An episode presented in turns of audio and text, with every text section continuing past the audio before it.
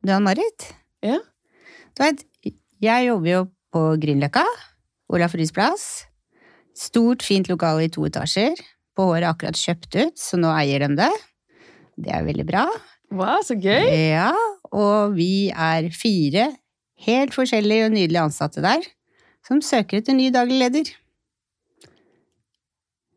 Ja. Og det er altoppslukende om dagen. Ja. For vi vil jo ha en leder som ser alles behov, og som passer inn i teamet, og kan lede den fine gruppa av mennesker som vi er, da. ja, må jeg spørre, det er ikke deg, altså? Nei, jeg har ikke lyst til å være leder lenger. Nei. Nei, jeg var litt ferdig med det i Studal, føler jeg. Ja.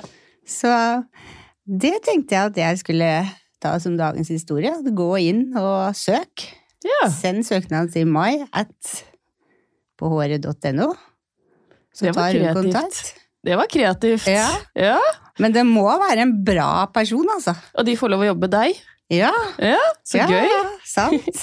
Og de jeg jobber med, vi har liksom Marte, som er farveekspert. Hun er kjempenydelig. Skifter farver en gang i uka. Alice, som er fjerdeårslærling. Snart ferdig. Er, jeg kan stå og følge med på hele dagen, alle samtalene hun kan ha om hår. Det er bare Jeg lærer masse om hun. Og hår generelt. Og så er det Lene, da, som er sprudlende, er fra Nederland, er høyt og lavt og kjempegod på service. Og så har vi jo da tre faste høner i bakgården som går rundt og klukker inn i den fine bakgården vi har der. Og det er, altså, det er så fint der. En fin liten gjeng. Dere og hønene. Ja. Og så får vi en lærling til. En lita jente på 17 som heter Jace, som er helt nydelig.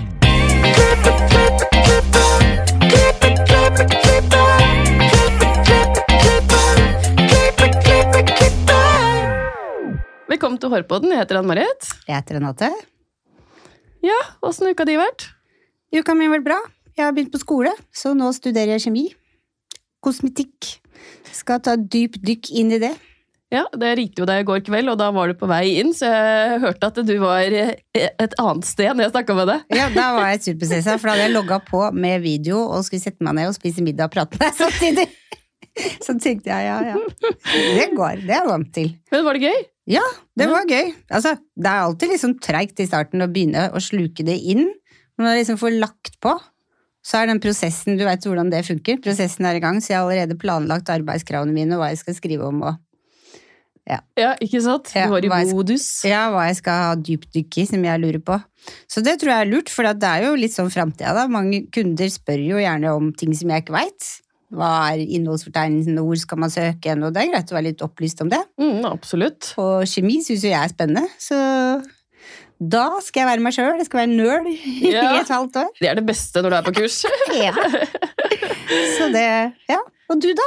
Ja, nei, jeg eh, skulle gjerne vært med på det kurset òg, så det får jeg ta seinere i, i livet. For at uh, min læringskurve har jo vært veldig bratt med å starte salong. Ja. og fortsatt er veldig mye jeg trenger å lære.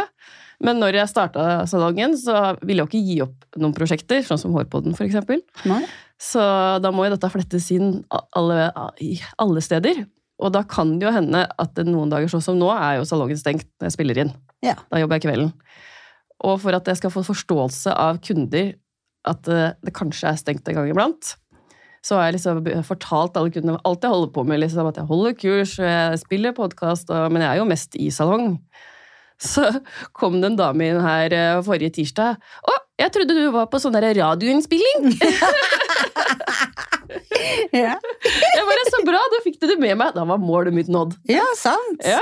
Fantastisk. Ja, så jeg driver mye selvskryt om dagen i salongen. Men det er bra at du trenger å skryte av deg sjøl. Ja. Det gjør egentlig alle. Vi er dårlige på det her i Norge. Jeg er det, og jeg kjenner det er litt barriere, så jeg må innrømme det. Men jeg gjør det. Flott. Det syns jeg er kjempebra. Men vi har jo med oss en gjest i dag. Ja. Og dagens gjest er en del av Vella-familien. Hennes ekspertområde er Sebastian, Sasun og GD. Hun er en fargerik person, og hun har alltid en ny hårfarge på håret. Velkommen til oss, Kirsti Solberg. Ja, hei. Hei! Takk. Eh, kan ikke du starte? Hvordan starta din frisørkarriere? Ja, åssen skal jeg starte det, da? Min frisørkarriere starta jo på Og det er en lang historie, men vi kan jo prøve. Vi, vi starter helt fra starten. Ja, La oss ta det fra scratch. Altså, Jeg har jo en eh, mamma som var frisør. og Hun drev frisørsalong fra huset vårt i Drangedal i Telemark. Eh, Den salongen heter Salong Saksa. Og faren min hadde skåret ut et sånt skilt i sakseform, da, i sånn kryssfiner. Og malt og greier. Så det var liksom, eh, Hun var jo mitt store ikon som liten. Jeg syntes det var så kult det mamma drev med. Og så syns jeg det var kult at hun liksom hun kjørte på, hun gikk rett fra videregående frisørlinje og bare starta salong. Eh, tok ikke noe svennebrev, ingenting. Hun bare 'jeg skal starte salong', ferdig snakka. Um, så jeg syns jo det var litt kult, da. Uh, og hun drev den hjemmefra. Så det var liksom min inspirasjon fra starten da, til å gjøre det her. Må ligger i blodet ditt, altså. Ja, jeg føler kanskje det litt. Men jeg minner om at jeg vingla litt i starten, for jeg er en far som er bilmekaniker og lastebilmekaniker, og jeg syns det virka veldig kult. Da jeg skulle velge retning på videregående, så vingla jeg litt mellom mekken og frisør, da. Du mekker hår. Ja, mekker hår isteden, da. Så, så, og, jeg var veldig lenge fortsatt, og fortsatt ganske interessert i bil, da. Eh, Men nå har jo bilene blitt så fancy at nå klarer jeg ikke å gjøre veldig mye sjøl, annet enn å skifte dekk, på en måte. Eh, Men det var liksom starten på min eh, reise. Og så gikk jeg på videregående i Lunde i Telemark, i Nome kommune. Og hadde lærlingetida mi i Bø i Telemark, i en salong der, eh, hos en veldig streng eh, nordnorsk dame. Eh, Hun, eh, hun var beinhard, men jeg lærte masse. Og så litt etter litt altså forflytta jeg meg, for jeg var veldig interessert i å komme meg videre og vekk fra bygda. Eh, Sjøl om jeg er glad i og stolt at jeg kommer fra bygda, så var jeg veldig sånn keen på å ut og se resten av verden. da. Så for meg så var resten av verden da, det var Porsgrunn. Fantastisk! så da fortsatte jeg læretida mi der, på, um, på Nikita faktisk, i tre år. Eh, og det var jo kjempeartig. Det åpna mange dører. Eh, Så hoppa jeg litt rundt innafor grenlandsområdet, Skien og Porsgrunn, i forskjellige salonger. Eh, Siste stopp jeg hadde i Grenland, det var for eh, tango. Og da var jeg dagleder der på Arkaden. Og da kjente jeg at ok, nå må jeg til Oslo. Altså, da bare, jeg bare må til Oslo. For meg så var liksom det New York. Altså, Jeg kommer fra ei lita bygd med 3000 Ja, nå bor det faktisk kanskje 4000 mennesker der, så det har blitt flere. Men eh, for meg så var Oslo sånn helt utopisk stort. Og jeg var sånn shit, tør jeg det her? Eh, bare gjør det. Og så søkte jeg på noen jobber, og det dukka opp en stilling på Adam og Eva. Så tenkte jeg shit, Adam og Eva, det er jo helt sjukt hvis jeg kan få jobb der, liksom. Eh, så da Naturlig nok så hadde jeg kjøpt meg en eh, veldig fancy bil, syns jeg sjøl. Jeg hadde aldeles ikke råd til å ha den. i Det hele tatt. Det var en BMW 1-serie. Den var hvit. Kjempefin. Altfor dyr. Kjører innover til Oslo, skal på jobbintervju hos Adam Eva. Eh, altså, hadde, altså bilen den gangen der, så Dette begynner å bli litt over ti år siden. Så Det er mer enn ti år siden, egentlig. Det er 15 sikkert. Eh, det var, Bilen var fancy da, men GPS det hadde man jo ikke i bilen på den tida der. Så um, jeg satt jo da med GPS-en på telefonen og kjørte innover. Um, og det var jo ikke en situasjon som kanskje blei helt sånn som jeg hadde tenkt. da, fordi um, Jeg begynner å le allerede, fordi det er en vanvittig god historie, men der og da så var det helt forferdelig. Men jeg kjører jo innover da i The Big Apple, som jeg følte Oslo var. da. Uh, Kjempestressa, masse trafikk, masse biler. Lyskryss for meg var jo fortsatt litt fremmed, da, kan du si. Har dere ikke lyskryss der?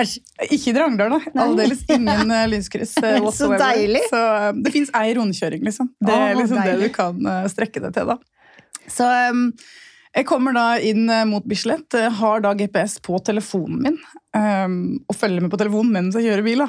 Dette går kjempebra, tenker jeg, men jeg begynner å få litt dårlig tid.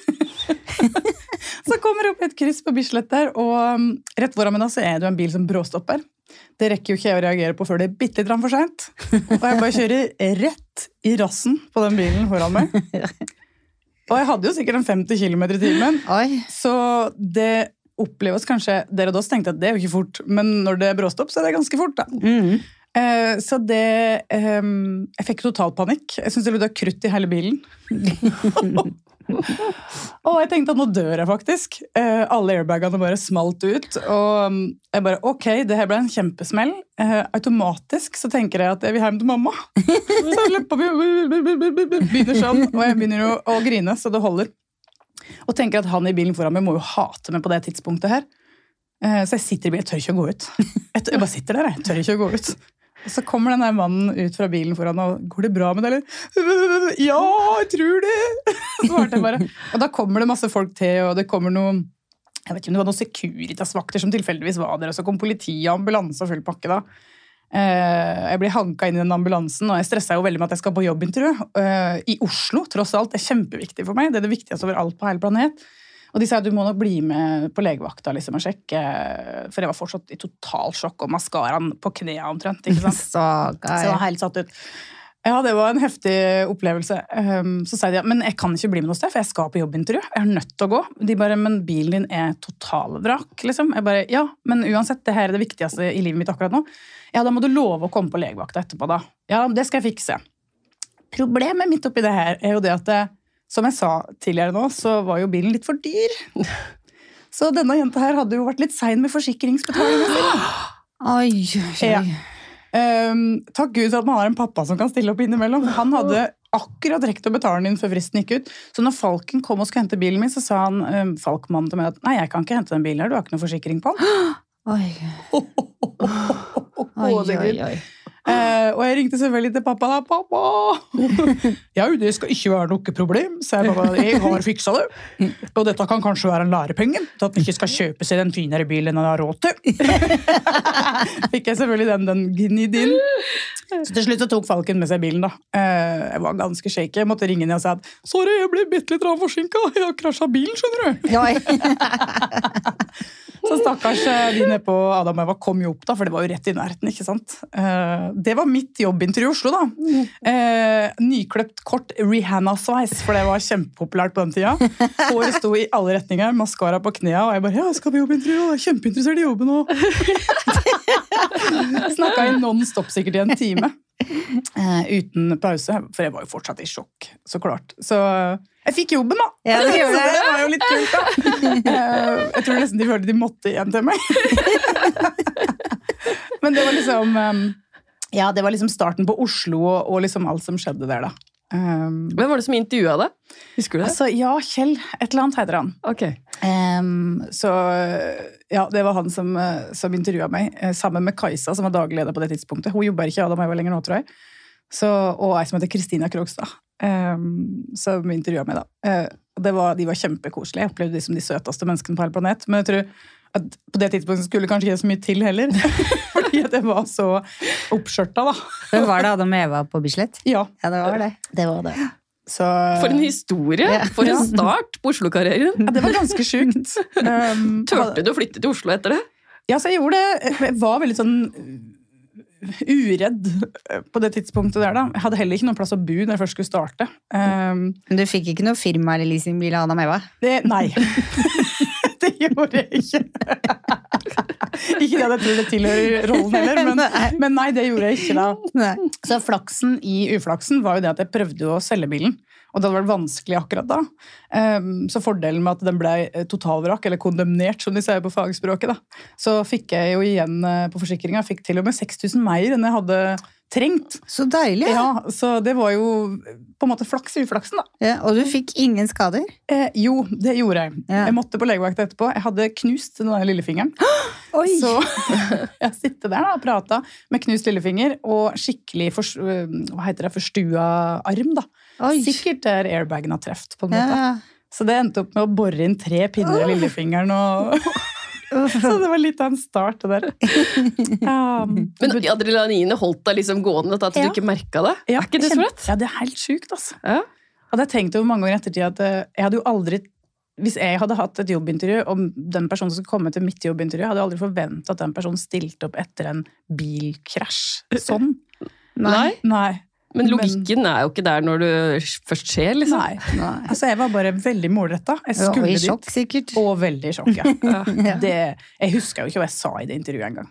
Etterpå så tenkte jeg lurer jeg på hva jeg sa for noe. Hva spurte de om egentlig? altså, Jeg huska ingenting av det.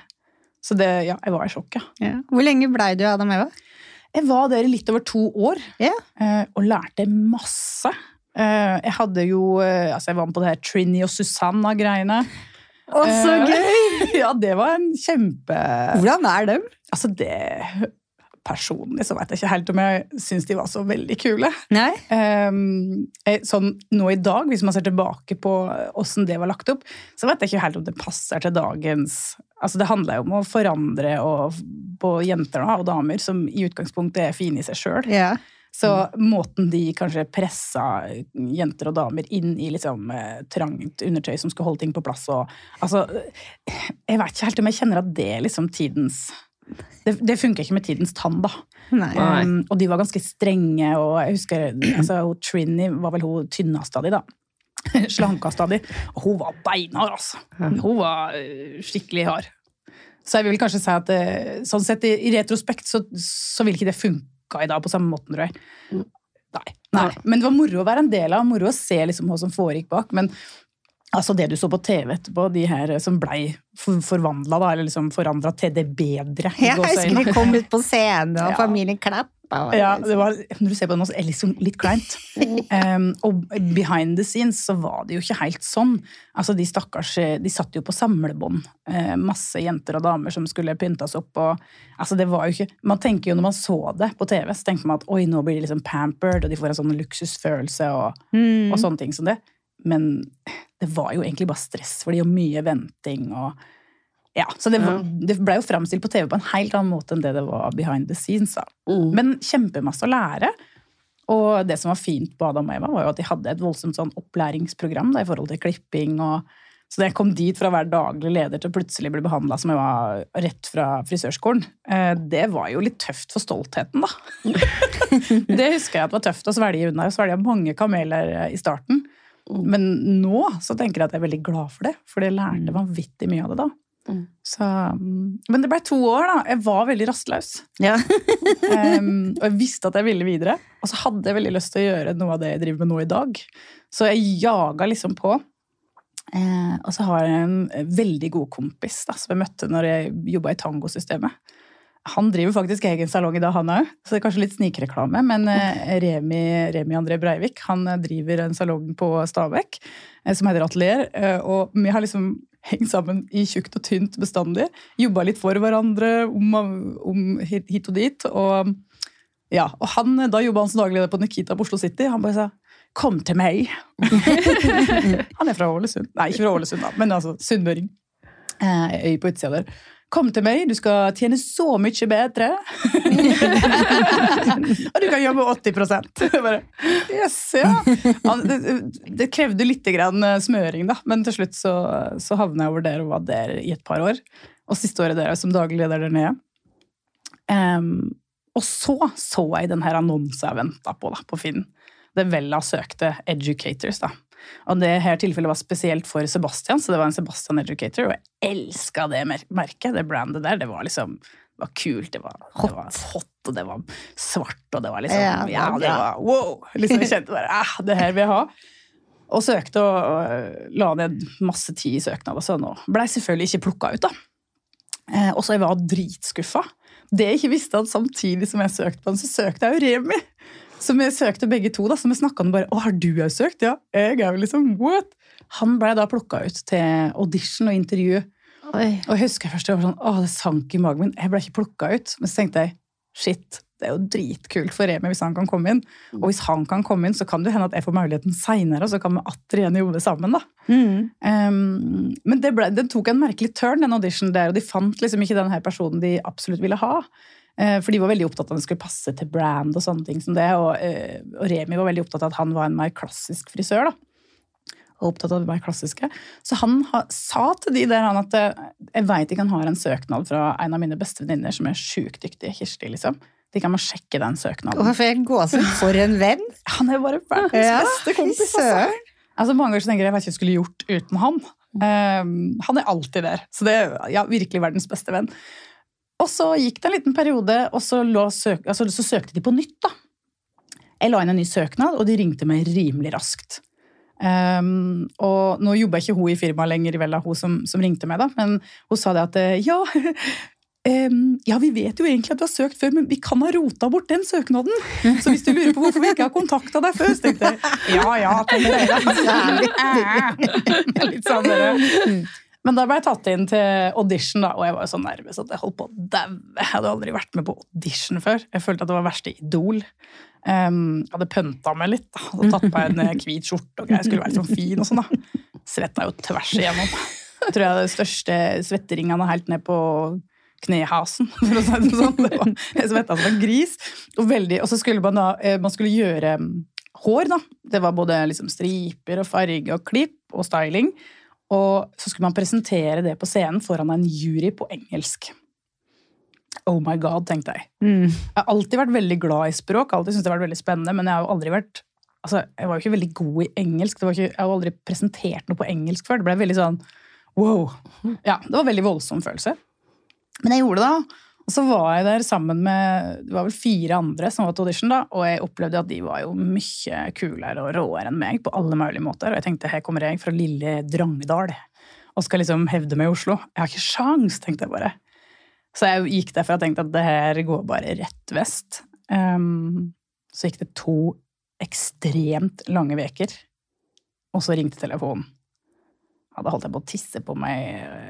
Jeg var helt jeg lo, og jeg grein om hverandre, og de bare 'ja, vil du komme til et andre intervju?' Jeg bare 'oh my god', tenkte jeg. Har, har jeg faktisk en mulighet?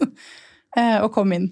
Um, og fra det så starta egentlig alt. Da Ganske raskt fikk jeg jobben og tenkte bare Jeg tror ikke jeg egentlig klaup meg i armen flere ganger og tenkte at eh, er det virkelig sant, liksom? Um, og fra den reisa der, så det har liksom vært en bratt læringskurve, og det har gått ganske raskt. da. Jeg jobba to år som Sebastian Educator, da. Um, første året rein Sebastian, og så raskt fikk jeg ansvar for flere brands. da Jeg hadde Nioxin en periode. Så da var jeg liksom litt sånn Dr. Nioxin. Med sånne, alle produkter som har med hodebuden og Men de er kjempebra. Ja, det var, ja, veldig. Kjempegode produkter, altså. Eh, og så hadde jeg litt System, som går meg på spa. Altså, jeg var innom, Og så fikk jeg Sasun. Um, og det var jo sånn, Da måtte jeg i hvert fall klype med armen. For Sasun det visste jo til og med pappa, som er bonde i Drangedal, om. liksom. Og Sasun, ja, det har jeg hørt om. Ikke det han der nede til England, da?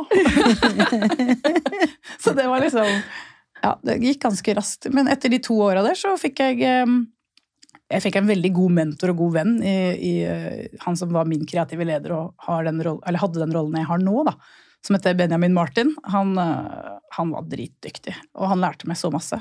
Eh, Han gikk videre til en global stilling, og da anbefalte han meg videre til den nordiske rollen. Og jeg tenkte bare hæ? Jeg har bare vært i Vella i to år, hva skjer, liksom? Så det bare gikk veldig fort, alt sammen. Eh, Og nå har jeg vært i Vella i ti år, da. Og det er bare sånn ja, jeg, jeg, skjønner det fortsatt ikke at jeg har vært Altså at jeg, som alltid har vært så rastløs, har vært i samme jobben i ti år, betyr jo at jeg må ha det sjukt bra, da. I den jobben, på en måte. Så hjelper det vel litt med nye roller og Klart. at ting utvikler seg, at det er i endring, da. Du, får tid, du får ikke tid til å kjede deg, tror jeg. Nei. Og selvfølgelig de åra som rein educator. Jeg reiste jo 250 døgn i året. Altså, jeg husker faren min var sånn Det er sånn som sånne sportsutøvere driver med, det, vet du. Så reiser rundt på for forskjellige sånne konkurranser og sånt. Jeg bare, ja, det kan hende. Jeg har aldri følt veldig med på sport, da. Det er, liksom, det er ikke min sterke side. Eh, men jeg reiste jo så masse at jeg bytta jo bare innholdet mitt i kofferten og reiste igjen, på en måte. Um, takk Gud at jeg hadde en daværende kjæreste, og nå i dag mann, da, som har vært så tålmodig med meg. Som det har vært armer og bein bestandig. Um, og det, jeg har jo ikke ro i reka. Det fins ikke. Men Um. dere er jo dritgode på å reise, for jeg har jo reist med dere Ja. til noen steder sammen med Lene. Og Ja. må jeg si at eh, dere som jobber i Vella, dere stikker bare fra oss på gaten. De er så drib, drib, dere er jo bare så dribla, så dere sitter på flyet før andre som har rekke og fått opp. Ja. Ja. Ja, det ble jo, På et tidspunkt så blei det nesten mer vanlig Og det her høres jo så hva skal jeg si, kakset ut, nesten. Men det er ikke sånn meint. altså. Men jeg blei jo mer vant til å flyge enn å ta buss. Mm. Fordi at det var liksom hver dag. Og så reiste du med altså Håndleddet og armene mine fikk kjørt seg, for jeg reiste jo stort sett med to-tre store collie med utstyr. Alt fra, og reiste jo rundt i salonger oppi, helt opp i Hammerfest til ned i Mandal, hele landet.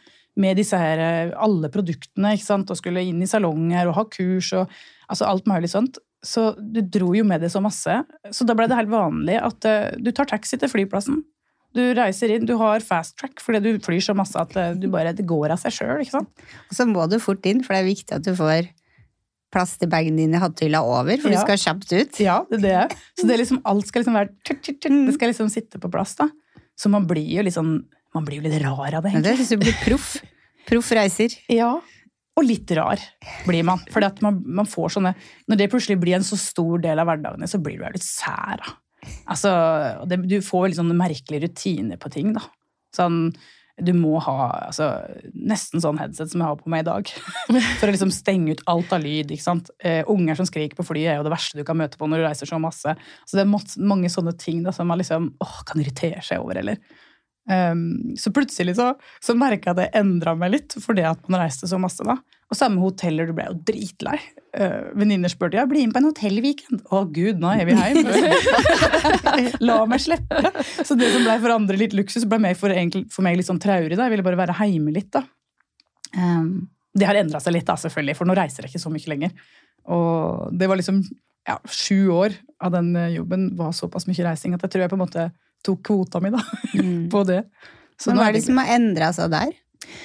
Nei, men altså Pandemien kom jo. Mm. Eh, og da måtte vi jo tenke helt annerledes. Plutselig så, så, kunne vi jo ikke møte oss lenger med frisørene. Og det er jo vår passion på education. Det er jo at man skal ut og møte kundene og, og ha kurs. og og veldig ofte, som jeg, som jeg, alltid har sagt helt fra jeg begynte, at selv om jeg holder kurs, så lærer jeg jo nesten like mye sjøl av å være blant frisører. For vi er jo så mange dyktige, og spesielt i Norge så er vi veldig flinke frisører. da. Eh, plutselig så kunne vi ikke det lenger. Så da Det ble en sjukt bratt læringskurve. Eh, vi måtte begynne å, um, gjøre digitalt materiale. da. Filme ting. Det var sjukt. Plutselig med sånn prompter med tekst, og det var sånn veldig sånn Wow. Det, men det starta ikke der, det starta jo med mobilen. Eh, I studio eh, på Vella i Nydalen, eller, eller heime. Og så laga vi til noen sånne backdrops og greier da, for at det skulle se noenlunde proft ut. altså, ja, Og livesendinger på Instagram og um, og så etter hvert når vi endelig kunne møtes litt igjen, da, så møttes vi i Stockholm og spilte inn større kurs og sånne ting som det med maske på, og det var liksom altså Det var jo en kjempegreie. Mm.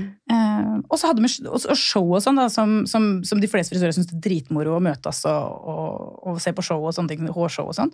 Det måtte man jo livestreame, da. Så da var vi i studio rundt omkring da, og, og hadde livestreaming da, eh, på plattform, så folk kunne sitte hjemme på mobil eller PC og se på så det var jo en eh, kjempeomveltning. Men var frisøren og så på disse kursene, liksom? Opplever du det? At frisøren ja. bruker det mer i dag? Absolutt, og det var, jeg tror det ble en sånn naturlig overgang. fordi at alle følte seg litt sånn altså Frisørsalongene måtte jo stenge ned en periode. Så det var liksom, for de å kunne fortsatt ha noe å, faglig å henge fingrene i, tror jeg ble veldig viktig da. Um, så det ble en naturlig overgang, og fortsatt i dag så ser vi at veldig mange syns det er helt topp å kunne sitte hjemme og ta seg et glass vin i sofaen og og ha et kurs hvor som helst, når som helst, på en måte. da. Så ja, absolutt. Ja. Ja, for jeg må innrømme at jeg personlig liker å komme live. Ja. så det skal litt til for at jeg blar opp hesten og er med på et digitalt kurs. Jeg skjønner det kjempegodt. Og nå, selvfølgelig overgangen når pandemien plutselig var historie, um, og alt var tilbake til det normale, så, så, så klart så måtte vi jo fyre i gang igjen med face to face, at man møttes igjen ordentlig, da. Jeg tenker ja takk, begge deler. Jeg liker ja. begge deler. Ja. Det spørs hvor hektisk perioden man er i, på en måte. Mm. Ja, ja, ja jeg, har, jeg, er jo med på digitale kurs, så det er ikke det at jeg ikke er det. Men jeg vil helst møtes live. så godt å høre at det fins live fortsatt. Det gjør det, altså. Absolutt. Og, og det, vel, det, er vel, først nå, liksom, det siste året, som har begynt å fyre det ordentlig i gang igjen, så klart, av pandemien. Um, og det blir jo bare mer og mer, og det er jo kjempemoro. Mm. Men vi har jo fortsatt en plattform på Vella så man kan gå inn um, og kikke på hva man vil når man vil, basically. da. Mm. Uh, så som du, som du, sier, da, så har vi jo begge deler. Mm. mm. Så ja. Jeg skal på kurs med dere i morgen, ja. Ja, så kult! Mm. GHD styling. Ja. Veldig artig. Hva? Det er live. GHD? Det, er live, ja. det må vi snakke litt om, for der skjer det mye nytt. Ja, det gjør det. Hvor skal jeg begynne? Nei, men eh, på, på GHD så altså Det er jo det som er så fantastisk med det brandet. For jo, det kommer nye ting hele tida. Um, ehm, den siste nå er jo Duet Style. Uh, og den har jo tatt verden med storm allerede. Det er jo et verktøy som både føner og glatter i en og samme, på en måte. Um, eller på en måte, det er ikke på en måte, den gjør den det. Gjør det. den gjør det. Uh, og i tillegg kan du krølle med den. Altså, den, er, den har liksom alt i en. da. Uh, fra helt kliss vått, liksom? Ja. Mm. ja. Det vil jeg si. Kliss vått. Altså håndkletørre, da, men altså, det er jo ja. ganske klissglass, ja. Hva, hva, er fordelen med det? At du får gjort to, to ting på en gang, det skjønner jeg jo. Men ja. uh, det blir liksom volum ut av det. Det er det jeg liksom frykter med en rettetang, at det blir veldig flatt. Ja, Ja. Og det er du nok ikke alene om. Altså Det som er så kult med Duet Style, er at han, eh, han har sånne ventiler på hver side av plata som sørger for at du får føna fra rot til spiss. Så det har liksom litt med hvordan du bruker den å gjøre. Hvis du overdirigerer litt, så får du allikevel volum fra bunnen. da. Um, og selvfølgelig er det jo mye kortere, du bruker mye kortere tid enn hvis du først skulle ha føna og så gått over med et stylingjern. da. Det som er litt kult her, er jo at den både ja, den føner og glatter. Men når du har et vått hår, så anbefaler man aldri å bruke et glattejern på et vått hår. sant? Så det er jo veldig mange som tenker å, skader det håret masse. Mm. Men platene har ikke en så høy grad eh, når du føner. Men når håret er tørt, så kan du trykke på en knapp som heter Shine Shot, og så går den over i den typiske 185 gradene som man har på GOD, da, og styler håret med den nyeste Platinum pluss-teknologien som man har. da. Så da kan du liksom toppe den opp da, med å å gi ekstra masse shine, eller glatte ut mye, eller krølle mer da, etterpå. Så det er virkelig alt i én, da. Den er bra. Vi Ja. var jo med og lagde de Ja, contentene med på Hårefront. det Det veldig, blir jo veldig, veldig blankt, da. sjukt blankt. Ja. Det var en veldig morsom dag, forresten. Ja, og så det? En av modellene hadde liksom afrohår. Du skulle Mm. ikke tro at hun fikk så glatt og blankt hår som hun fikk. altså. Og ikke sånn paddeflatt. Ja. Som jeg sa jeg frykta. Ja, nei, det ble ikke det i det hele tatt. Nei, den, eh, den er helt Altså, jeg er en sånn men det kanskje, Jeg vet ikke om det har noe med at jeg er bygdes å gjøre, men jeg er en sånn naturlig skeptiker til alt som er nytt. jeg vil veldig gjerne prøve, da, det er ikke det. Men jeg liker å være liksom litt sunn skepsis, kaller jeg det. Og det var jeg jo òg til den her, for jeg føler jo veldig ofte i hårbransjen vår når man har kommet så langt, det er veldig mange ting vi har vært innom før, man har sett eh, en del produkter tidligere, masse som flopper, eh, som ikke funker så bra som man sier, så, jeg tenker at det er alltid greit å være litt, som faren ville sagt, nøktern når det kommer noe nytt. da. Um, og jeg var veldig skeptisk til den her. Jeg tenkte at ja, ja, mm, det kommer jo aldri til å funke så bra. Men jeg ble ganske raskt overbevist allikevel, da, eh, at den her er egentlig dritgod. Ja, det er nytenkende. Det er det definitivt. Ja. ja. Ja, så er det det der med å liksom Jeg tenker, for oss frisører, vi er jo Altså, Vi er jo sjukt gode på det vi driver med. Vi er jo fag, fagfolk. Men hvis en tenker på kundene våre, da, som veldig ofte står hjemme på badet og tenker at å, jeg skulle ønske frisøren min sto her med meg hver morgen og fiksa håret mitt så så ut som en eh, queen når jeg gikk ut herfra. Vi er jo ganske glade frisører, da. At vi slipper det. Jeg vil ikke stå på badet til folk hver morgen. For å si det sånn, jeg har nok med mitt eget. Men da har har en jo plutselig verktøy som kan hjelpe de da, i den der daglige stylingen, på en måte. Mm. Så får du ett verktøy istedenfor to. Ja. Det er jo genialt. Også hvis du har din jobb, eller hadde den jobben du hadde, da, hvor det er mye utreiser. Slippe å ha to verktøy med seg i kofferten. Absolutt. Det er et veldig godt poeng. Det er på en måte det vi leiter etter eh, når vi står der med kunden. Hvordan kan hun gjøre akkurat dette her hjemme? Og, og se like bra ut. Ja. Mm. For de kommer jo hjem og skal gjøre ting kjapt, enkelt og greit. Helst på fem minutter. Ja. Ja. Så alle sånne hjelpemidler, det er jeg veldig takknemlig for. Men så kan du lage store bølger med henne. ja, visst kan du det. Og det er det som er kult. at du liksom for Først så tenkte jeg liksom at ok, eh, føning, sletting er i samme, liksom. Eh, men når du i tillegg som du sier, kan lage store bølger, da, så har du jo plutselig enda mer, eh, flere muligheter. da. Kinderegg. Ja, det er jo det. Et Mm. kinderegg, ja. Mm. Veldig bra sagt. ja. Nå skal jeg stjele. Et kinderegg. Veldig bra. Hva er det neste store hos dere på Vella? Altså, eh, Det er jo veldig begrensa hva jeg kan si. Det er jo alltid litt sånn. Men jeg kan jo si én ting, og det er det at eh, generelt nå så på Vella huset så har vi jo et brand som fyller 50 år i år, og det er Sebastian Professional. På verdensbasis, liksom? Ja. Eh, det er jo helt sjukt. Jeg var jo med når jeg var 40 år. Så, så det er jo litt sånn klype seg i armen og tenke at shit, jeg er jo blitt ti år eldre. Men sånn er det. ja, det er litt sånn, Man får noen sånne tryntørker av og til. Men ja, eh, brandet fyller 50 år i år. Um, og det er ryktes om en ganske heftig feiring av det. Åh, så. Så, eh, det blir ganske kult. Det gleder jeg meg til. Um, og jeg sitter um, Jeg skulle si så klart, men for mange år siden var ikke det så klart. Men jeg sitter, jeg sitter i um, planlegginga av det, da. Jeg er prosjektleder i den gruppa, så, så det er veldig spennende. Men jeg kan ikke si så veldig mye mer enn det, da. Men, eh, men det ryktes som en eh, feiring, ja. Det blir en feiring i Norge for Sebastian Det er ikke sikkert at det blir i Norge, men eh, at det blir for norske kunder. Så. Gøy! Mm, det er veldig spennende. Jeg er kjempegira. Har lyst til å si masse mer, men jeg kan ikke da. For jeg skikkelig Da får vi vente i spenning. Ja, må rett og slett vente i spenning, altså. Men du som eh, har holdt mye kurs, hvilken kurs liker du å gå på? Ja, å, det er Jeg elsker det spørsmålet, egentlig. Um, jeg har jo alltid vært en sånn der, um, person som uh, er veldig glad i å stå på scenen. Jeg syns det er kjempemoro. Eh, og det starta tidlig for meg hjemme med persiennene mellom stue og kjøkken i Drangøl. Tvinga mamma og pappa. 'Mamma, mamma, pappa, se nå, se nå!' Så sto jeg bak de gardinene, jeg bruka det som sceneteppe. ikke sant? Jeg sminka opp søsknene mine og kledde de opp i rare klær. og sånn. Så jeg har alltid vært veldig glad i scene. Så for meg, eh, og mennesker, ikke minst, og det å kunne gi noe tilbake til andre, det har liksom alltid vært min passion. Så når jeg går på kurs, så velger jeg sånn sjølutviklingskurs. Oi! Oi! ja, Utvikle seg sjøl. Eh, stagecraft er sånn type kurs som jeg liker å gå på. Utvikle meg på hvordan jeg kan bli bedre på scene. Um, også litt av det der pedagogiske, hvordan man kan treffe kundene på en bedre måte. Um, sånne type kurs er jeg veldig glad i. Og òg personlig sjølutvikling er jeg veldig opptatt av nå. da. Jeg tror jeg har blitt såpass voksen at nå er det liksom plutselig litt viktig. Men jeg føler at det, liksom, går litt hånd i hånd. Mhm. Det der med å, å um... Så gøy. Det er sikkert derfor du er så dyktig òg. Ja, takk! det var koselig. Ja. Godt å høre. Jeg, eh, jeg syns det er veldig viktig. da. Altså, synes, synes, som sagt, Jeg har alltid hatt en sånn passion for å kunne gi, gi noe videre til andre.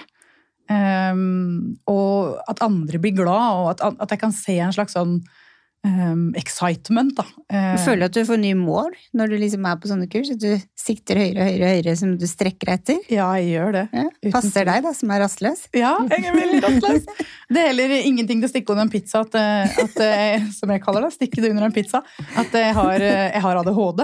Um, så det er nok der den rastløsheten kommer litt fra. da. En sånn indre motor som bare drar meg videre og drar meg videre. Um, og jeg er veldig åpen om at jeg har det, da. Eh, og jeg ser jo på det som en sånn super, superpower. Det er jo positivt, hvis du ja. bruker det positivt. Ja. Jeg hadde, hadde aldri kommet dit jeg tror jeg, uten den uh, driven, altså. Men uh, jeg ga meg liksom aldri. Du har naturlig battery, på en måte? ja, det er, Slipper Red Bull og Ja, ja det, det kan jeg ikke drikke. Det blir jeg skjelven. Det går ikke. Jeg har aldri skjønt folk som driver med sånn uh, energidrikk. Altså, da blir jeg helt Får du hjerteklapp av det? Ja, veldig. For det gjør jeg òg. Veldig. Ja. Så det er skikkelig ubehagelig. Jeg syns ikke det smaker godt. Det. Nei, det gjør ikke det heller. Nei, det er jo, det er jo litt sånn syntetisk ekkel smak, liksom. Ja. Um, men ja, jeg får hjerteklapp av det. Skikkelig. Kaffe er mer enn nok for meg, altså. Mm. Um, og jeg drikker det veldig med måte. Mm. Så det er nok trøkk der det kommer fra, på en måte. da. Ja. Ja. Hva tror du skal til for å rekruttere flere inn til denne fantastiske bransjen vår? Åh, ja, og det er et kjempekomplekst spørsmål, akkurat det der. Um, og hvor skal jeg begynne? Jeg tenker at uh, Bransjen vår har kanskje tidligere hatt et litt sånn urettferdig preg av at å ja, er du bare frisør? Uh, det kan du ikke tjene gode penger på. Typ. Um, jeg husker jo det fra min egen far, at, uh, at han, han, mente at å velge å være frisør, det ble han veldig lei seg av. da. Han ble ordentlig skuffa. Han var sånn Frisør, det kan du ikke tjene penger på. Um, det er dårlig valg. Han ville jo veldig gjerne at jeg skulle bli lege eller advokat, eller altså, noe av disse her typiske standard standardyrkene som på den tida var veldig status. da.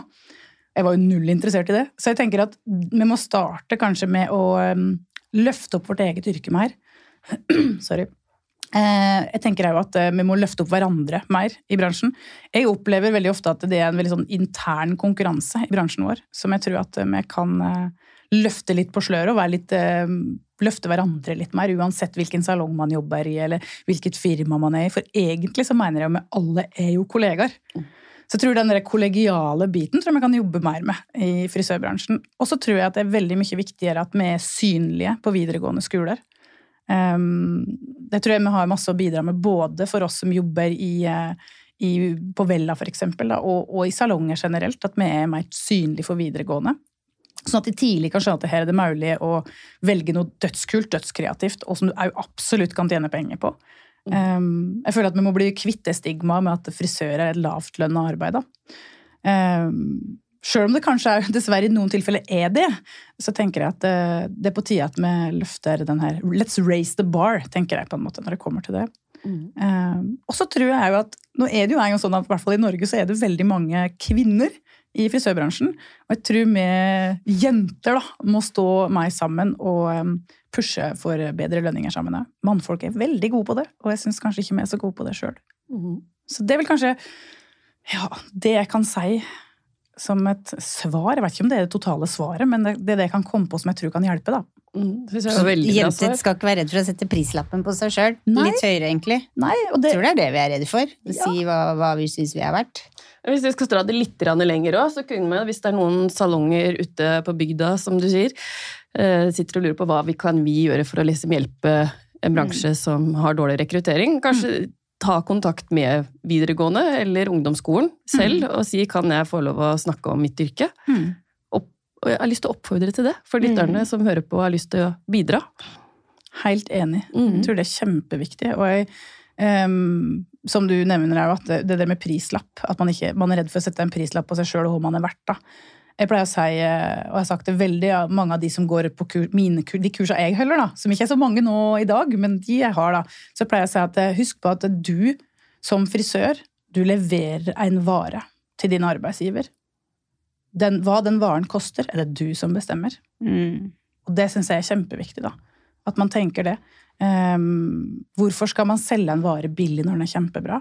Mhm. Og folk er Altså, vi bor i Norge. Folk er villige til å betale for en bra vare, da.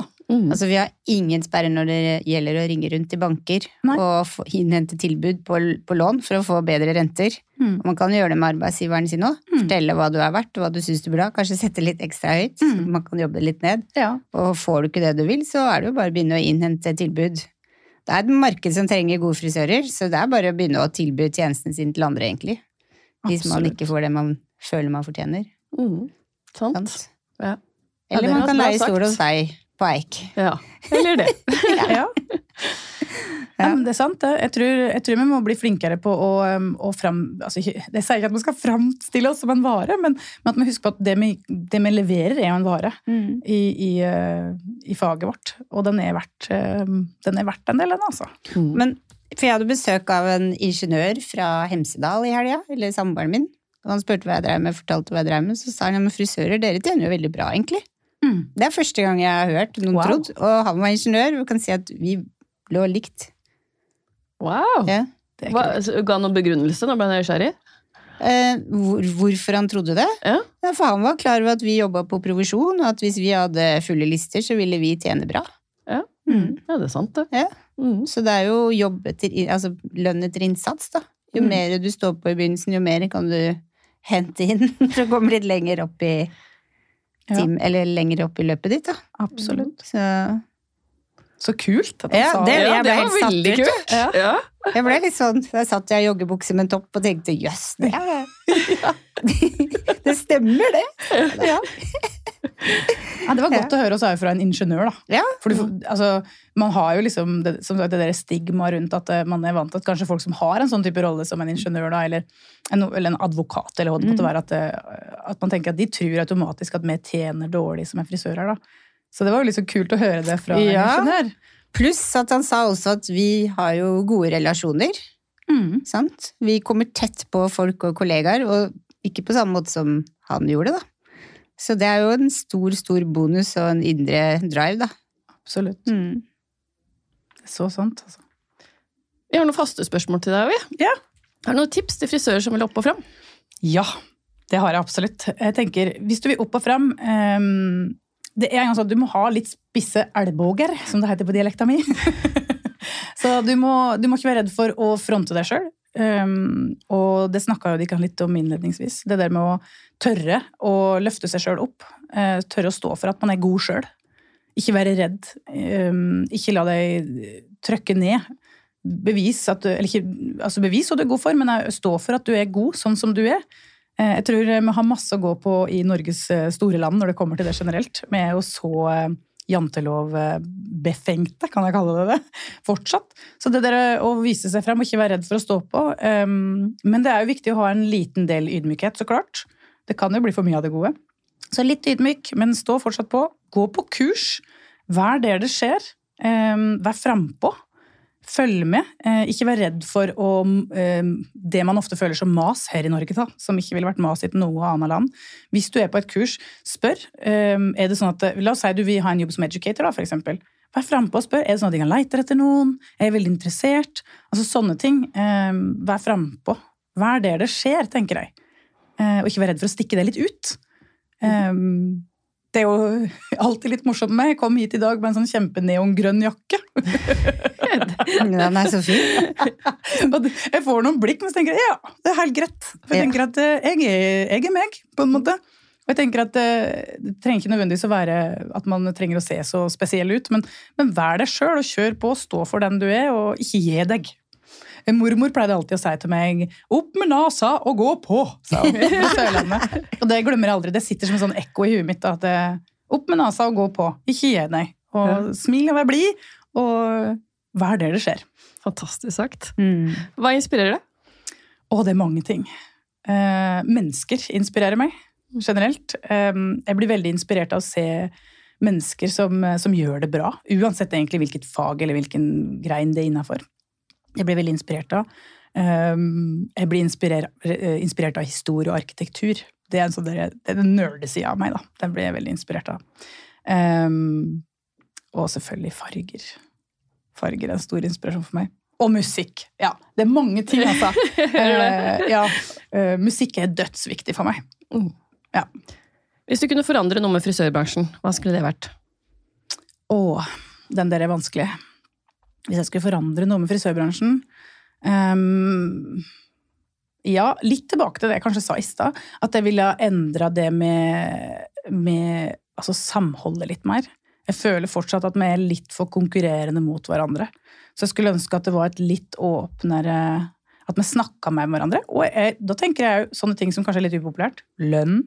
Hva man tjener, hva man tar, får priser i salong. Sånne type informasjon da, som er kjempeviktig for alle å få med seg. Til og med for Gunda fra frisørsalongen på hjørnet i en eller annen bygd eller en annen plass er det viktig å vite hva som skjer og rører seg der ute. da. Tror vi kan bli flinkere på å dele. Dele informasjon med hverandre når det kommer til sånne ting. Mm. Hvis du ønsker å få delt ting eller bli delt med, så kan man melde seg, melde seg inn i lauget, Oslo-lauget. Ja, Der deler vi jo. veldig bra sant. tips. Ja. Ja. Der får du vite alt fra A til Å. Ja, det er kjempebra. Mm. Det tror jeg er veldig bra. Og jeg tror liksom eh, altså på, Når jeg snakker om det med at man må liksom være litt mer åpne med hverandre tenker sånn at, Som jeg sa i stad, på, på, på grenser av hvor du jobber eller hva du driver med, så tror jeg det er veldig viktig. eh, altså Uansett hvilken salong man jobber i. eller og det tenker jeg i forbindelse med altså, ja, som jeg sa, priser, men òg hvilke produkter man bruker, hva man har. altså Hvilke knep, for vi har alle knep for å få businessen vår til å gå rundt. da. Og jeg tenker at eh, Å dele det er jo kjempe, kjempebra. Man, sk- at man ønsker at alle kan komme opp og fram. da. Så, så enig. Mm. Til slutt, hvor finner vi deg på sosiale medier? Ja, eh, eh, du finner meg på kirstisol.vella på Instagram. Um, jeg prøver meg litt på TikTok. Eh, det er bare Kirsti Solberg. Um, så jeg er i gang. Jeg har en tendens til å bli litt fanga der, alle de morsomme videoene. da. Men ja, Enig! Jeg kjenner jeg enig i det. Det tar mye tid. ja, det, tar mye tid, men eh, veldig gøy allikevel. Så det er vel det du finner med på sosiale medier nå, da. Tusen, tusen takk til deg, Kirsti, for at du ville komme til oss. Veldig koselig, og takk for at jeg ble invitert. Veldig moro. Var veldig gøy å snakke med deg. Takk. Og i like måte. Med dikkene. Og gi gjerne oss stjerner på iTunes, og følg oss på sosiale medier. Og når vi snakker om deling, så må dere gjerne dele det vi legger ut på Instagram. Og så høres vi neste uke. Ha det bra!